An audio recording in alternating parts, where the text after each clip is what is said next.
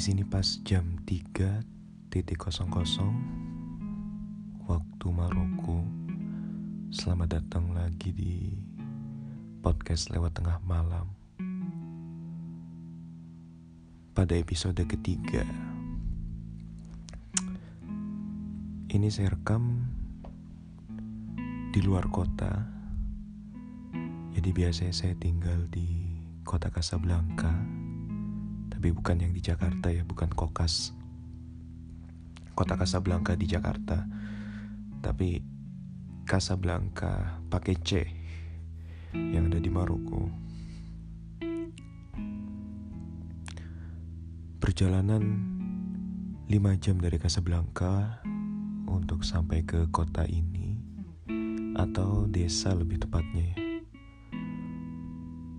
Naik bis, saya berangkat jam setengah 12 siang terus sampainya jam setengah 5 sore.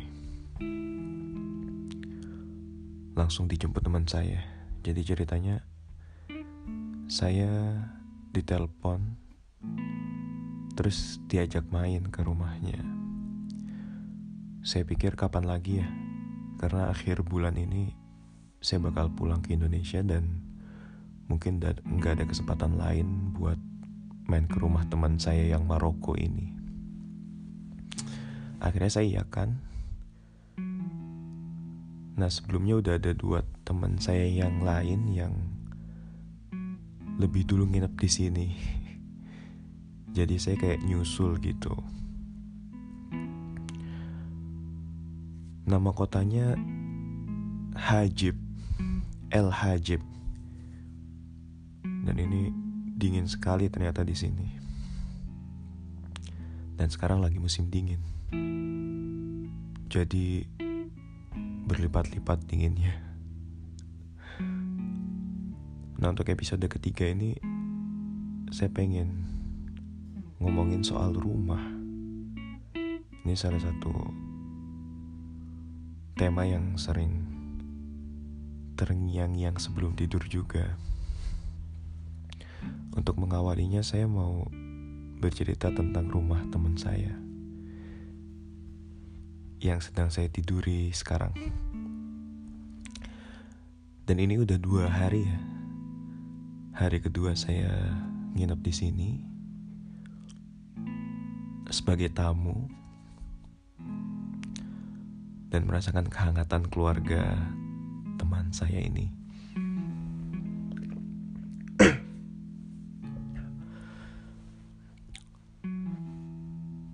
Jadi setelah saya dijemput sama teman saya namanya Muhammad, kemudian langsung jalan kaki dari pemberhentian bis ke rumahnya. Agak masuk ternyata. Dan rumahnya di tingkat paling atas. Dan tingkat paling atas itu jemuran baju. Jadi benar-benar di jemuran. Dinginnya jadi nggak main-main karena anginnya langsung dari mana-mana masuk ya. Ini bener-bener jemuran jadi kalau saya buka pintu kamar ini di depannya udah ada kabel cantolan baju. Rumahnya sendiri uh, ya bentuknya jemuran di tengah-tengah gitu terus di pinggirannya ada ruang-ruang buat dijadikan kamar. Jadi ada dua dua ada tiga ruangan ya. Yang satu dipakai untuk dapur satunya lagi kamarnya teman saya Muhammad. Terus satunya lagi dipakai untuk ruang tamu ruang kumpul, ruang makan, sekaligus kamar ibunya Muhammad sama adik-adiknya. Jadi yang tinggal ada empat orang ya. Muhammad, ibunya, dua adiknya. Sebenarnya ada satu lagi cuman adiknya Muhammad yang paling besar lagi kerja di luar kota juga. Terus adik keduanya itu perempuan uh, lagi mau lulus SMA yang paling kecil. Laki-laki kelas 2 SMP ya. Nah jadi tiga orang itu tidurnya barengan di ruang tamu sekaligus jadi tempat makan jadi ruang keluarga juga. Ada TV-nya satu terus ada sofa. Ada sofanya buat tidurnya ada tiga buah. Jadi tidurnya di sofa gitu. Bapaknya Muhammad sepertinya sudah wafat. Saya jujur nggak tahu karena mau nanya juga eh, sungkan takutnya menyinggung ya dan sensitif tapi saya nggak melihat bapaknya Muhammad jadi perkiraan saya sudah uh, meninggal semoga beliau tenang di di alam yang lain. Muhammad ini teman saya pas kuliah S1. Jadi sebenarnya dia kakak kelas saya beda setahun atau dua tahun gitu ya. Cuman lulusnya barengan. Eh enggak lulusnya lulusnya nggak bareng ya daftar S2 nya bareng jadi tahun 2017 tapi beda kota.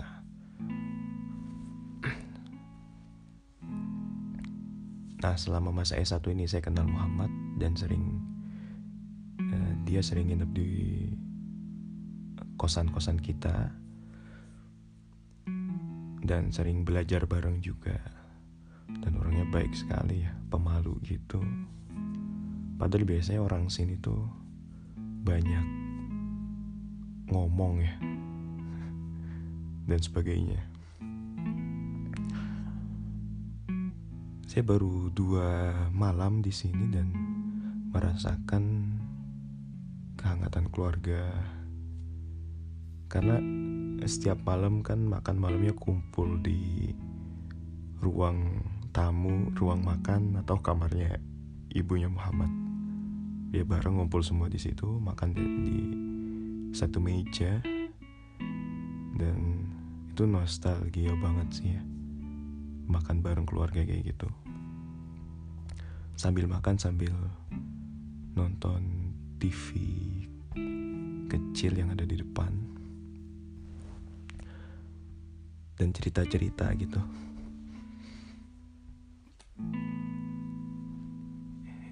ibunya Muhammad ini ramah, ramah sekali dan baik, sangat berusaha untuk menghormati dan menyambut tamu dengan sebaik-baiknya ya.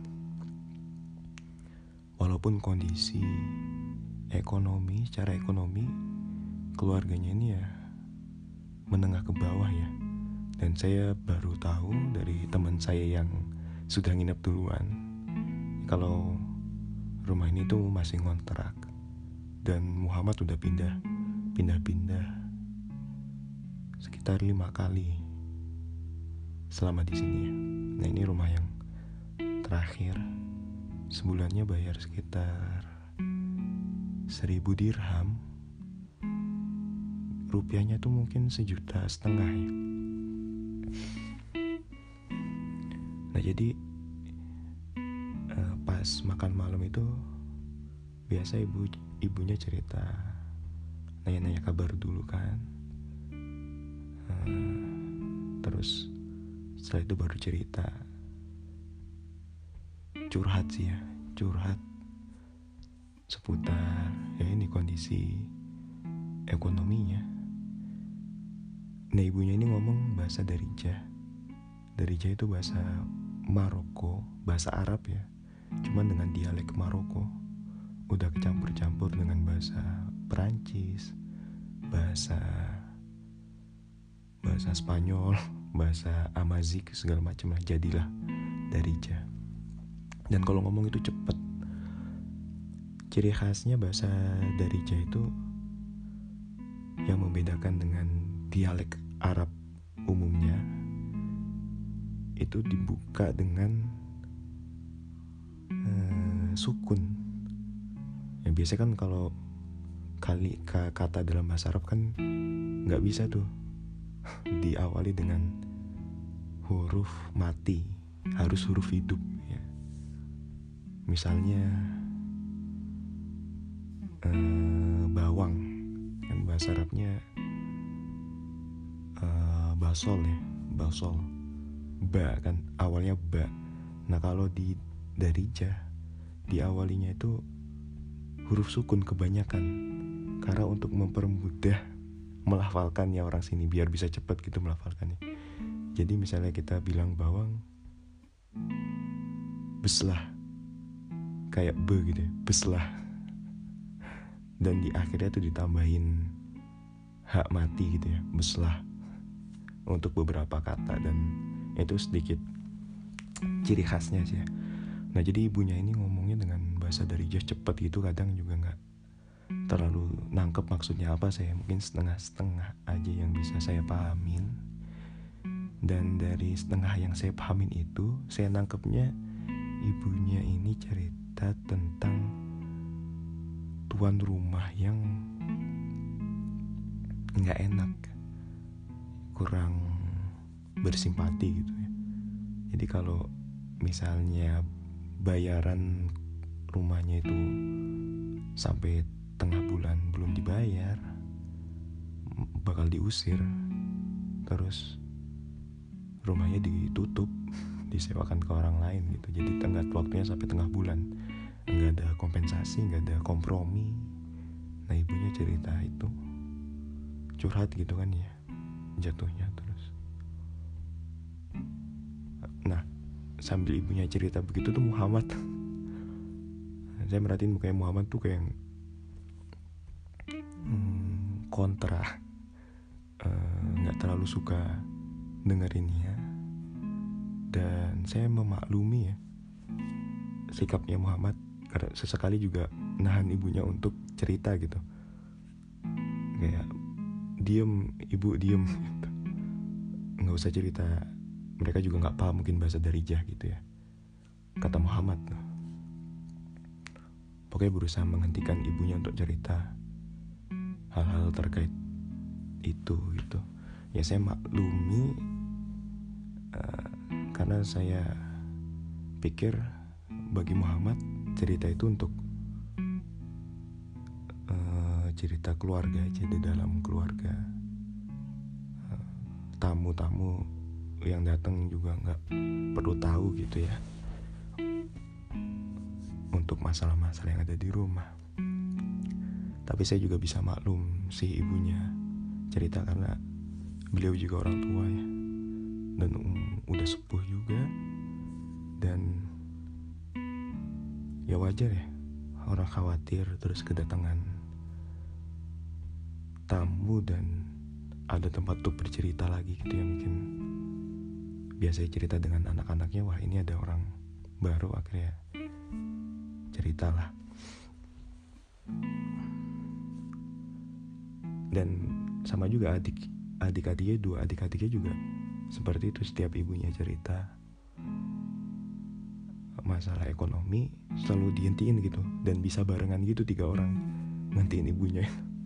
Tiap mulai cerita gitu udah masalah duit masalah rumah masalah makan itu langsung di stop barengan itu. Diem bu diem. Sambil meyakinkan ibunya itu kalau kita ini nggak paham gitu apa yang ibunya omongin. Karena emang sih emang sejujurnya juga kita nggak terlalu paham sih. Ngomongnya tuh cepet sekali. Jadi begitu suasana makan malamnya meskipun uh, kadang terasa canggung dan canggungnya seperti tadi itu cuman kebanyakan suasananya ramah cair ketawa bareng. Karena teman saya yang dua juga konyol-konyol kan orangnya. Hmm. mereka nggak paham cuman seolah-olah paham gitu. Terus ketika disuruh mengulangi sama ibunya itu jawabannya salah itu jadi rame deh. Ruang makan sekaligus ruang keluarga sekaligus ruang tamu. Kamar juga ya. Tapi kemudian saya jadi berpikir sih saya juga nggak merasa tidak enak hati ya. Karena dengan saya nginep di sini juga pastinya merepotkan dan membuat pengeluaran mereka bertambah dong ya. Di tengah kondisi ekonomi yang tidak begitu baik. Nah barusan tadi saya diceritain juga sama teman saya yang sudah seminggu nginep di sini gila nginep seminggu ya, yang sebelum saya itu datang awal-awal datang mereka datang ke sini tuh kamarnya Muhammad ini malah belum dikasih lampu jadi emang gak ada lampunya. Muhammad tuh kalau tidur ya pakai lilin. Ada dua lilinnya. Bener-bener belum dipasang lampu. Pantesan saya lihat tuh kabelnya masih bagus gitu ya. Saya pikir emang awet ternyata emang baru dipasang. Dipasangnya setelah ada dua teman saya yang main gitu ya. Saya pas datang udah ada lampunya jadi saya kira tuh lampunya emang udah dari dulu gitu setelah tahu itu saya jadi nah terus. Stop kontak itu cuma ada satu. Dan itu ya di ruang makan di kamar ibunya. Itu cuma ada satu yang buat nyolokin di TV sama terus ada dua lubangnya lagi gitu ya. Jadi stop kontaknya satu ada tiga lubang. Yang satu buat nyolokin di TV satunya buat nyolokin apa gitu. Pokoknya tinggal sisa satu deh. Jadi kalau mau charger HP itu ganti-gantian. Tapi setelah saya dengar cerita bahwa lampunya ini baru dipasang saya jadi apa ya nahan-nahan untuk nyarger baterai HP karena akan menambah biaya listrik bayar biaya listrik kan ya. Jadi uh, merasa nggak enak lah. Gitu. Jadi kami tidur berempat ini ya Muhammad saya terus dua teman saya. Begitu kondisi rumah teman saya ini dan di tengah kondisi yang seperti ini kami masih di kasih makan tiga kali sehari. Sarapan ada makannya. Makan siang ada makannya terus makan malam juga. Terus dikasih teh juga gitu. Dan kalau ada ikan ikannya tuh dikasih ke kita gitu. Yang keluarga mereka makannya telur gitu. Pokoknya sangat menyambut gitu dan hormati sekali gitu saya juga jadi mikir sih bahwa saat orang-orang bisa tidur dengan tenang gitu ya ada orang-orang yang tidur di atas kasur yang nyaman rumahnya luas punya rumah sendiri ya ada halamannya bisa bebas teriak-teriak apa aja karena nggak akan mengganggu tetangga. Gitu ya. dan pas tidur berpikir yang bagus-bagus gitu ya. Mungkin pikirannya bagus-bagus. Mungkin mikir besok mau nonton apa gitu ya. Besok makan di mana. Atau bingung mau belanja apa bingung menghabiskan uang karena saking kayanya ya. Tapi ada. Saat bersamaan itu ada keluarga yang pas tidur mikirinnya itu bagaimana untuk melunasin uang rumah bulan ini gitu. Jadi hmm, timpang gitu dan kontra sekali gitu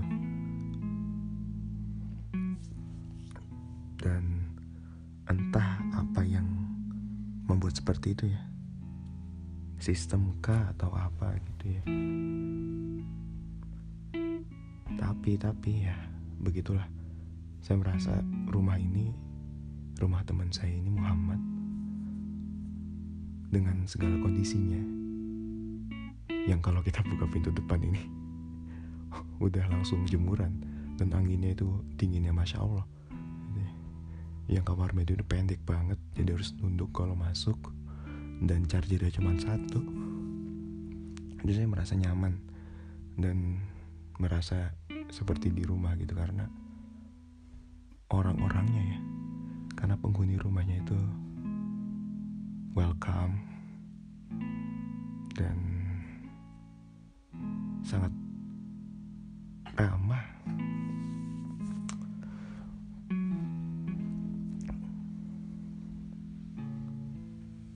di situ di sini juga saya baru baru ngeh kenapa Muhammad itu tasnya nggak pernah ganti dari zaman S1 dulu. Jadi tasnya itu bener-bener tas anak kecil gitu yang warnanya warna-warni. Warnanya itu biru sama hijau yang dari plastik gitu. Yang mengkilap kalau kena cahaya gitu nah itu nggak ganti-ganti dari dulu sampai sekarang gitu ya. Ternyata memang Muhammad punya tasnya ya itu aja gitu ya. Dan ya begitulah pokoknya. Oke saya jadi banyak mikir juga dan semakin sulit tidur, semakin memikirkannya. Kembali lagi ke rumah ya. Itu tadi kadang saya bisa ngerasa nyaman di mana pun, meskipun seharusnya tempatnya tidak bisa memberikan kenyamanan yang maksimal gitu ya. Selama penghuninya itu nyaman gitu ya. Saya lebih memilih penghuninya nyaman sih daripada rumahnya nyaman. Selama di Maroko misalnya, saya itu udah pindah rumah sebanyak empat atau lima kali ya.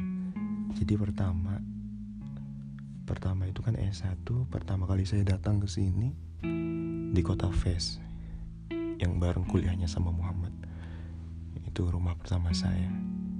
Terus tahun kedua sorry tahun ketiga ya tahun terakhir saya satu itu saya pindah pindah rumah karena sudah banyak mahasiswa baru datang dan nggak bisa ditampung lagi untuk satu rumah. Saya pindah rumah itu. Dua ya. Terus lulus S1 saya lanjut S2 pindah kota ke Casablanca pindah rumah lagi dong. Kemudian tahun kemarin ya tahun kemarin ini tahun terakhir saya S2 saya pindah rumah lagi karena uh, teman-teman yang lama udah pada pulang dan saya harus gabung ke rumah yang satunya rumah yang lain yang ada di Casablanca terus terakhir nih bulan Desember kemarin saya pindah rumah lagi dengan beberapa teman karena udah banyak mahasiswa-mahasiswa baru yang daftar ke Casablanca. Jadi rumahnya jadi sempit gitu harus pindah. Akhirnya pindah saya ikut pindah. Saya jujur paling merasa nyaman pas tahun pertama. Itu rumahnya luas dan penghuninya masih sedikit cuma delapan orang. Saya seangkatan empat orang terus senior empat orang. Kamarnya tiga. Per kamar jadi bisa diisi tiga orang tiga orang tiga orang.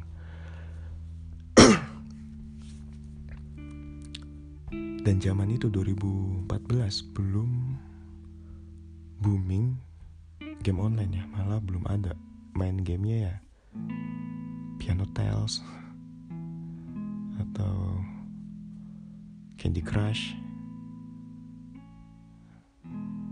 Terus ya game-game itu ya.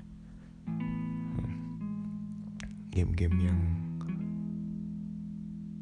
game-game yang bisa diselesaikan nggak nggak harus berjam-jam menyelesaikannya gitu. Jadi masih interaksi komunikasi sosial itu masih jalan di rumah kita kalau makan malam habis makan malam di ruang depan kadang nggak langsung balik ke kamar ngobrol-ngobrol dulu bercanda-bercanda gitu ya. Balik ke kamar pun nggak langsung tidur kadang kita ya masih cerita-cerita terus nonton bareng gitu ya. Kadang main PS bareng kadang keluar ngopi bareng dan setiap hari minggu pagi pasti olahraga bareng main bola. Habis main bola pulang bikin mie pasti bikin mie terus sama telur. Wah udah. Bener-bener deh masih sangat nyaman waktu itu. Dan mungkin karena tahun pertama juga ya masih fresh freshnya saya gitu. Tahun kedua nggak terlalu beda dengan tahun pertama. Tahun ketiga pas saya pindah itu udah mulai kerasa tuh saya tinggal dengan anak-anak baru. Ya. dan udah mulai banyak tuh game online tapi nggak terlalu rame. Ya beberapa udah ada yang main tapi nggak semua ya dan nggak nggak pada kecanduan juga. Meski gitu udah pada sibuk dengan dunia masing-masing yang saya rasakan termasuk saya sendiri ya. Mungkin karena gap gap tahun jadi untuk ngobrol bareng itu intensitasnya nggak terlalu sesering dulu gitu. Ya sibuk dengan urusannya sendiri-sendiri. Tapi masih ada sih komunikasi diskusi gitu. Masih suka jalan tapi lebih banyaknya karena waktu itu juga tahun terakhir saya mungkin lebih fokus ke kuliahannya ya.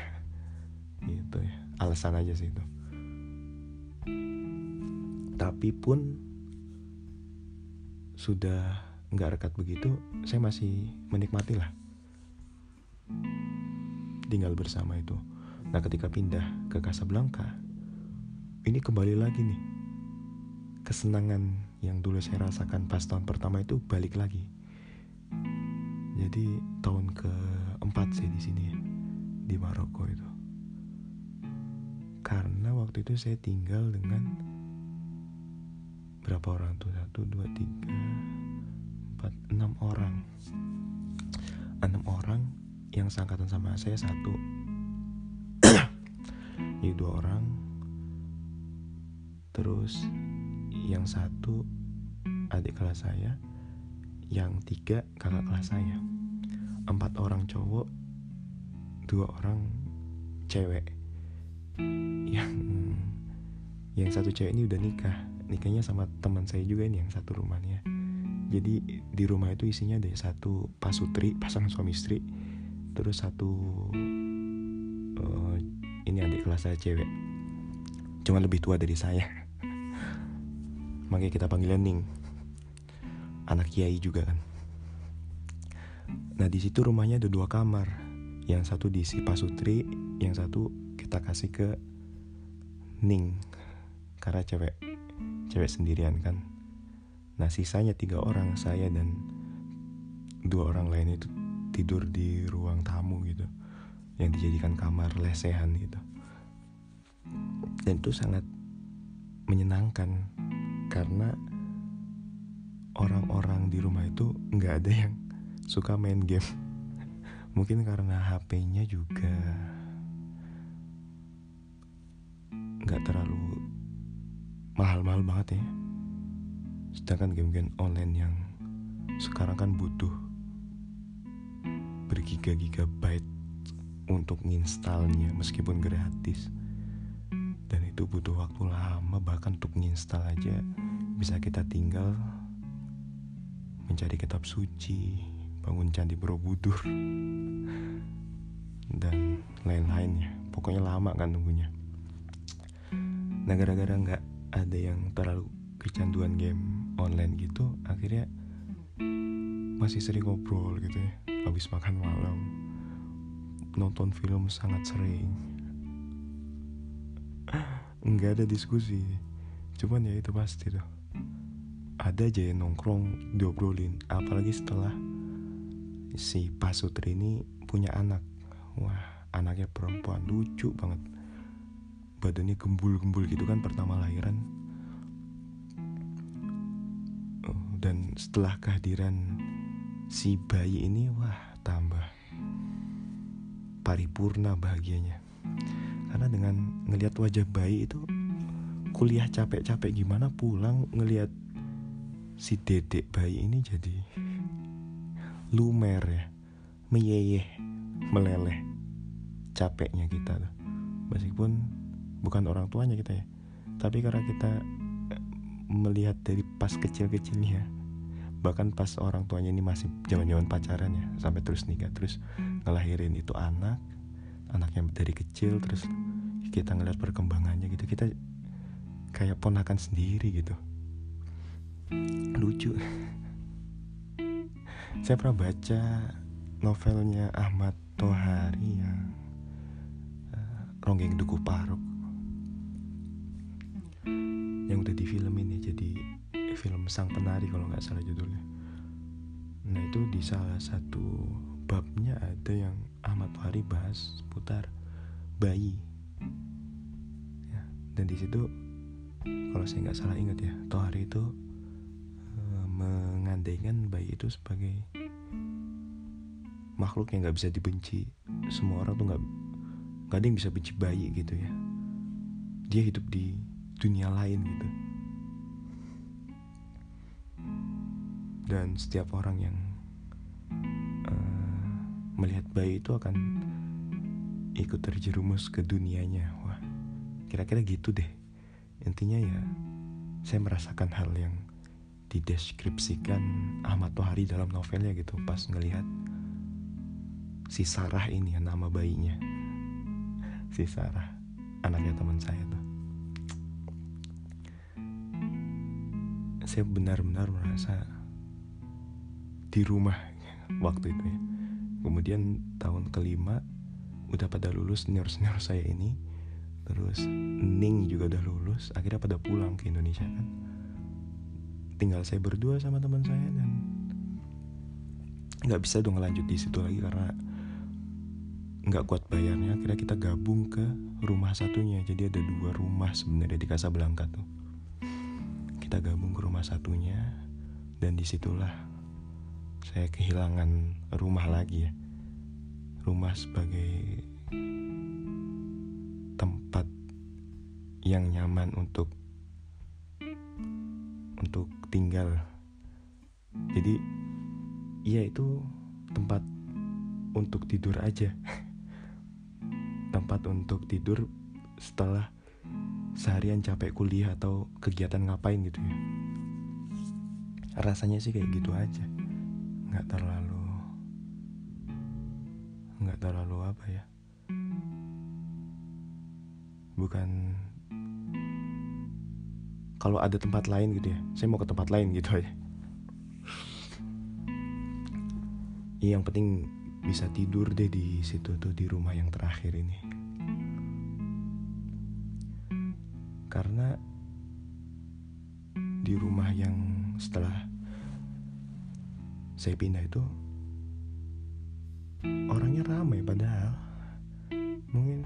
tujuh kalau nggak salah tujuh orang. Tapi benar-benar udah fokus dengan HP masing-masing. Jadi kecanduan game ya.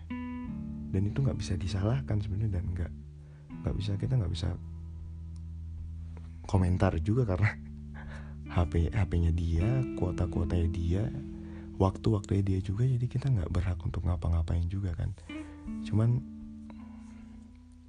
saya merasa kehilangan waktu-waktu berkualitas untuk ngobrol untuk bersosialisasi bahas apalah curhat tentang kuliah tentang apalah ya cewek atau uang atau apa. Bener-bener tuh. Jadi kalau udah pada main game itu bisa bangun tidur langsung pegang HP baru selesai itu kalau udah mau tidur lagi. Atau pas lagi makan.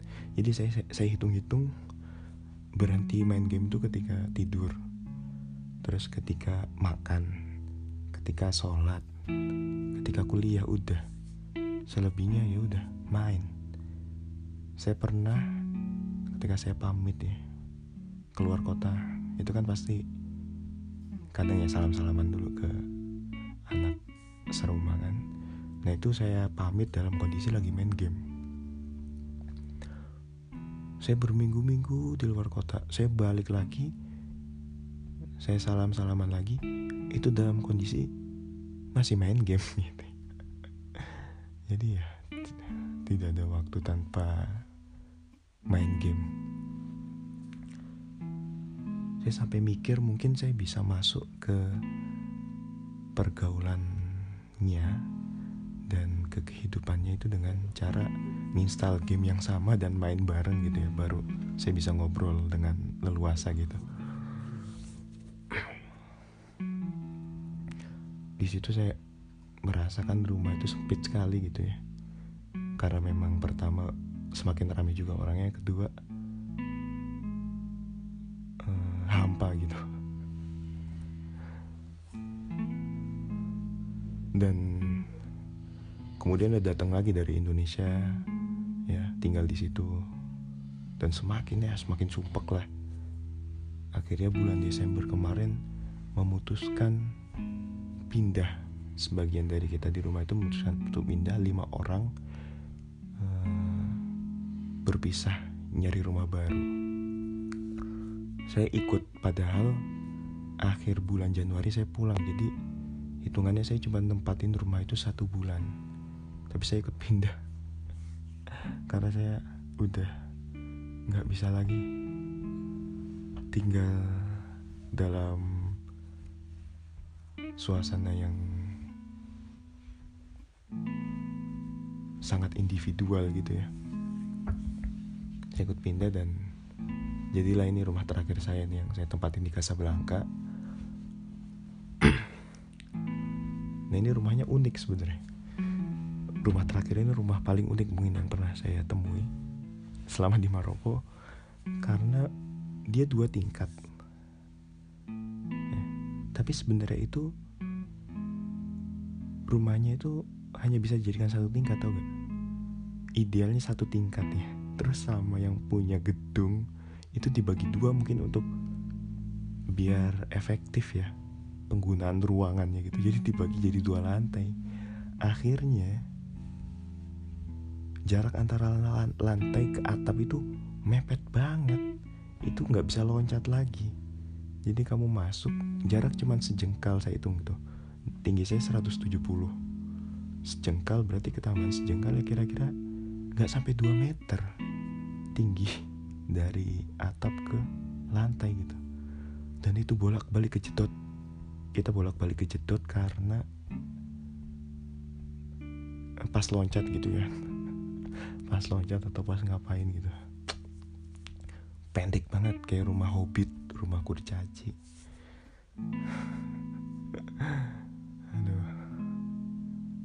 Tapi ya anyway saya merasa nyaman di situ karena anak-anaknya emang nggak pada suka main game dan pada suka nonton film. Jadi tiap malam tuh hampir tiap malam nonton terus kerjanya. Aduh. Dan karena saya juga udah nggak ada kuliah kan udah selesai udah rampung jadi bisa memaksimalkan waktu dengan tidur nonton makan ngopi dan sebagainya akhir bulan ini saya pulang ke Jakarta. Pulang ke Indonesia. Kembali ke rumah. Yang tertera di KTP ya udah lama rasanya nggak. Nggak pulang meskipun saya sempat pulang. Tapi untuk yang kali ini kan insya Allah for good ya.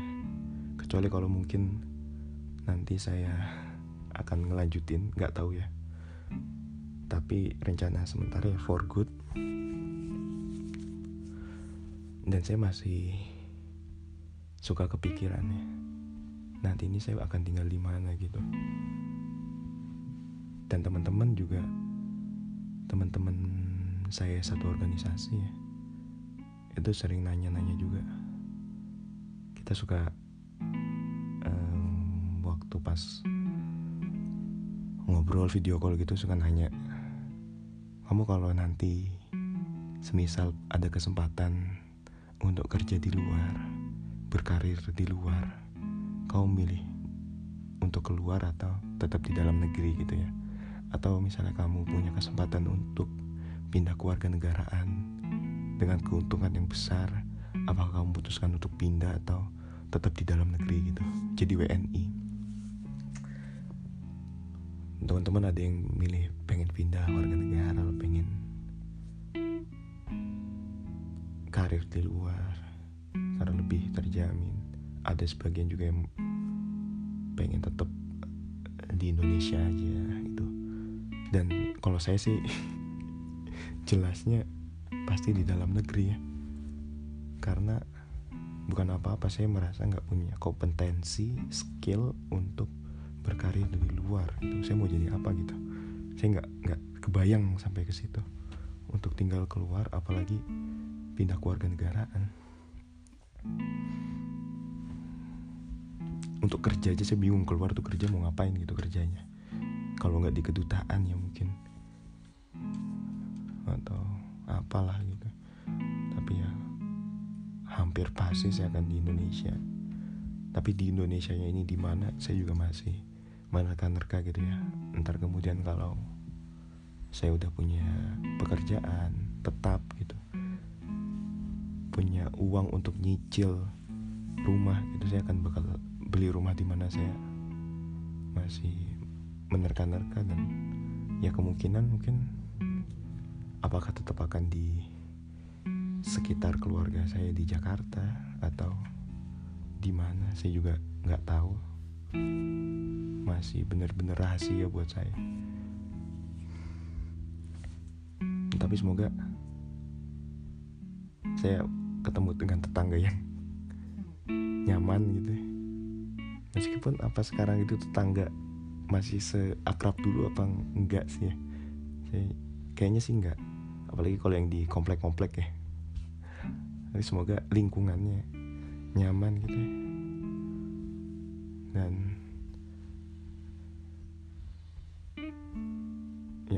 Penting rumah saya saya bisa jadi seseorang yang membuat rumah saya nyaman, rumah tangga saya nyaman gitu ya. Jadi istri dan anak-anak saya benar-benar memikirkan rumah sebagai tempat pulang, tempat untuk kembali gitu. Sejauh ke mana pun mereka pergi gitu ya. Mereka akan keingatnya ya rumah tempat saya tinggal gitu. Itu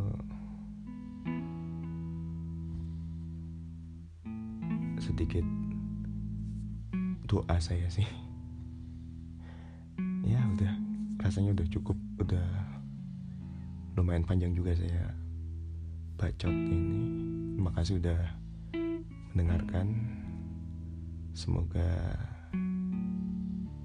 hari atau malam anda menyenangkan sampai jumpa lagi di episode berikutnya masih di podcast lewat tengah malam. Dadah.